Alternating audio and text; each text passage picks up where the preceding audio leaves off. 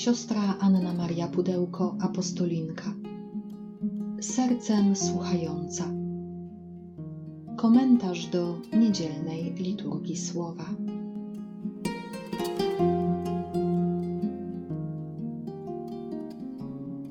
Z Ewangelii według świętego Jana.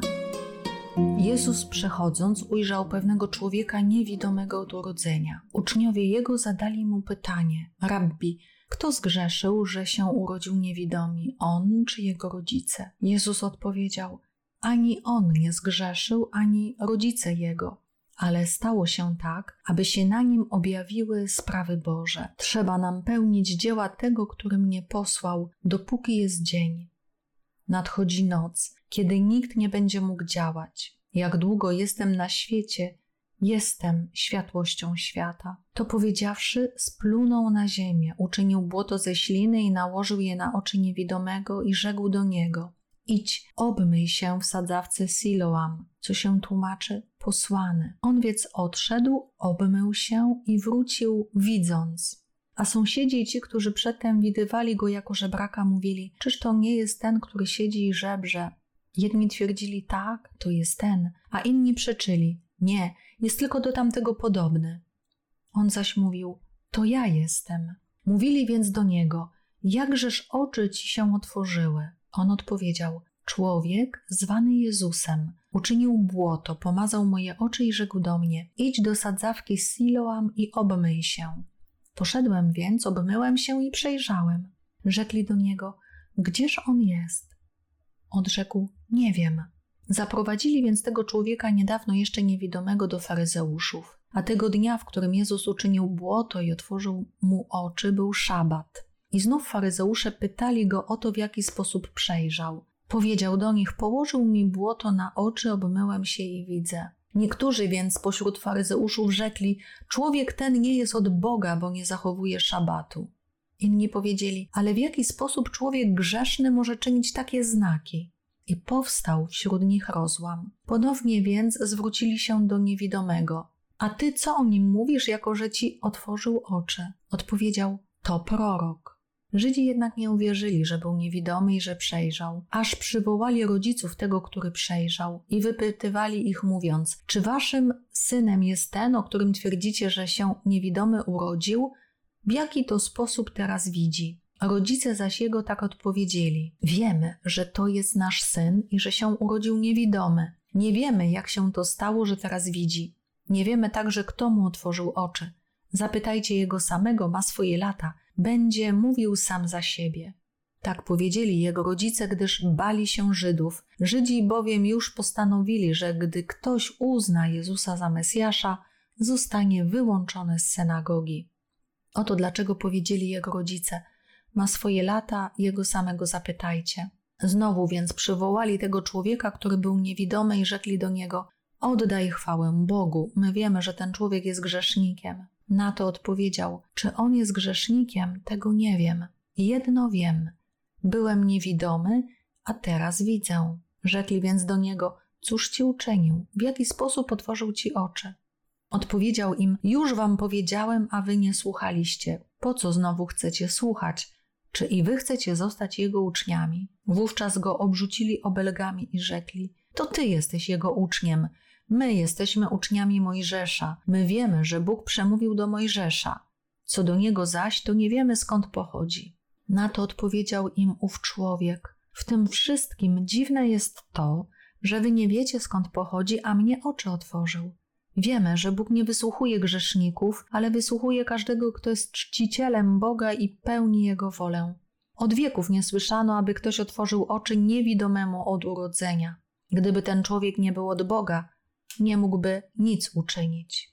Rzekli mu w odpowiedzi: Cały urodziłeś się w grzechach, a nas pouczasz, i wyrzucili go precz. Jezus usłyszał, że wyrzucili go precz i spotkawszy go, rzekł do niego: Czy wierzysz w syna człowieczego? On odpowiedział: A któż to jest, panie, abym w niego uwierzył? Rzekł do niego Jezus: Jest nim ten, którego widzisz i który mówi do ciebie. On zaś odpowiedział: Wierzę, panie, i oddał mu pokłon. A Jezus rzekł: Przyszedłem na ten świat, aby przeprowadzić sąd, żeby ci, którzy nie widzą, przejrzeli, a ci, którzy widzą, stali się niewidomymi. Usłyszeli to niektórzy faryzeusze, którzy z nim byli, rzekli do niego: Czyż i my jesteśmy niewidomi? Jezus powiedział do nich: Gdybyście byli niewidomi, nie mielibyście grzechu. Ale ponieważ mówicie, widzimy, grzech wasz trwa nadal. Tydzień temu widzieliśmy Jezusa, który daje wodę życia, która prowadzi ku życiu wiecznemu. A dzisiaj widzimy skutki tego, co otrzymujemy we Chrzcie Świętym. Mamy niewidomego od urodzenia. E, ciekawe bardzo jest to pytanie uczniów Jezusa, rabbi, kto zgrzeszył, że się urodził niewidomi, on czy jego rodzice? Dla Żydów ubóstwo, choroba, cierpienie były karem za grzechy. A Jezus mówi, że ani ten człowiek nie zgrzeszył, ani jego rodzice, że ten brak, ta tragedia ślepoty jest po to, aby objawiły się wielkie dzieła Boga. Jezus czyni wspaniałe gesty. Splunął na ziemię, uczynił błoto, nałożył je na oczy niewidomego i rzekł do niego: Idź, obmyj się w sadzawce Siloam, co znaczy posłany. On odszedł, obmył się i wrócił, widząc. To uczynienie błota i nałożenie je na oczy niewidomego przywołuje od razu moment z Księgi Rodzaju, gdy Bóg lepi człowieka. Ten człowiek jest tutaj stwarzany na nowo i to dzieje się we Chrzcie Świętym. Powracamy do naszej pierwotnej niewinności. Bóg na nowo czyni nas swoimi dziećmi, czyni nas świętymi, wlewa w nas całą swoją łaskę, otwiera nasze oczy na rzeczywistość duchową, ale żeby móc stać się człowiekiem duchowym, żeby móc stać się synem i córką Boga, potrzebna jest nasza współpraca. Dlatego jest to posłanie do sadzawki, obmycie, bo we Chrzcie Świętym stajemy się nie tylko umiłowanymi synami, córkami Boga, ale też stajemy się posłanymi świadkami Jego miłości wobec świata. I widzimy tutaj właściwie proces, który czynią temu człowiekowi faryzeusze, temu człowiekowi, ale także jego rodzinie. Jezus uleczył go w szabat. Jeśli szabat ma być dniem oddawania chwały Bogu, to kiedyż bardziej można oddać chwałę, jak wtedy, kiedy doświadczamy Bożej miłości, uwolnienia, uzdrowienia, przebaczenia grzechów. Jezus uzdalnia tego człowieka, by całym sobą chwalił Boga. Ten człowiek jest tak bardzo mądry i tak bardzo pokorny i tak bardzo przejrzysty, jest prostym człowiekiem, a jednak potrafi stawić czoła zarzutom faryzeuszy. Ma nawet poczucie humoru, bo w pewnym momencie pyta ich, dlaczego jeszcze raz mnie pytacie, czyżbyście chcieli stać się uczniami tego człowieka? I znowu widzimy, że najpierw Jezus jest nazywany człowiekiem, człowiek o imieniu Jezus. Uczynił błoto, pomazał moje oczy i rzekł do mnie. To jest takie pierwsze stwierdzenie o tym, kim był ten, który go uzdrowił. A kiedy Żydzi pytają, co ty o nim mówisz, mówi: To prorok. Tyle udało mu się samemu odkryć. Kiedy jest wyrzucony precz z synagogi, odnajduje go Jezus. Jezus nigdy nas nie pozostawia ani w naszym cierpieniu, ani też w doświadczeniu niezrozumienia czy odrzucenia. I stawia mu bardzo ważne pytanie: czy wierzysz w syna człowieczego, czyli w Mesjasza? A on w swojej bezradności pokorze mówi: A któż to jest, panie, abym w niego uwierzył? Jest nim ten, którego widzisz i który mówi do ciebie. Ponieważ teraz już widzisz, możesz mnie zobaczyć. Do tej tożsamości objawionej Samarytance, ja jestem, jest nim ten, który mówi z tobą. Tutaj Jezus dodaje: Jest nim ten, którego widzisz i który mówi do ciebie. On zaś odpowiedział: Wierzę, panie, i oddał mu pokłon. Przepiękna, poruszająca do głębi jest ta scena. Ten człowiek staje się prawdziwym czcicielem Ojca w duchu i prawdzie. Adoruje Jezusa jako swojego Pana i Zbawiciela.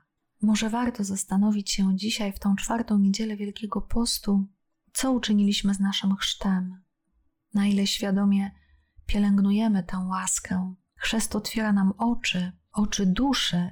Możemy poznawać Boga, możemy Go kontemplować, Jesteśmy posłani też do tego, aby go głosić światu poprzez świadectwo naszego życia.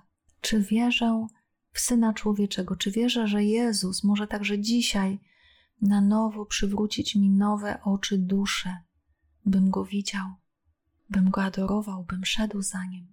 Jestem nim ja, którego widzisz i który mówi do ciebie. Zapraszam Cię, abyś w tym tygodniu znalazł czas na to, aby widzieć Jezusa i słuchać Jezusa. Czy to w Twoim pokoju, czy w kaplicy adoracji Najświętszego Sakramentu, ale byś znalazł taki czas na spotkanie z Nim, by na Niego patrzeć i pozwolić, by On patrzył na Ciebie, by do Niego mówić i słuchać Go, aby ta najważniejsza łaska Chrztu Świętego, jaką jest odnowienie, przywrócenie więzi z Bogiem, relacji z Bogiem poprzez oczyszczenie z rany i konsekwencji grzechu pierworodnego, mogła w nas owocować, abyśmy mogli budować więź z Jezusem, abyśmy mogli widzieć Go oczami wiary, abyśmy byli jak On, posłani do świata, by głosić wszystkim Ewangelię.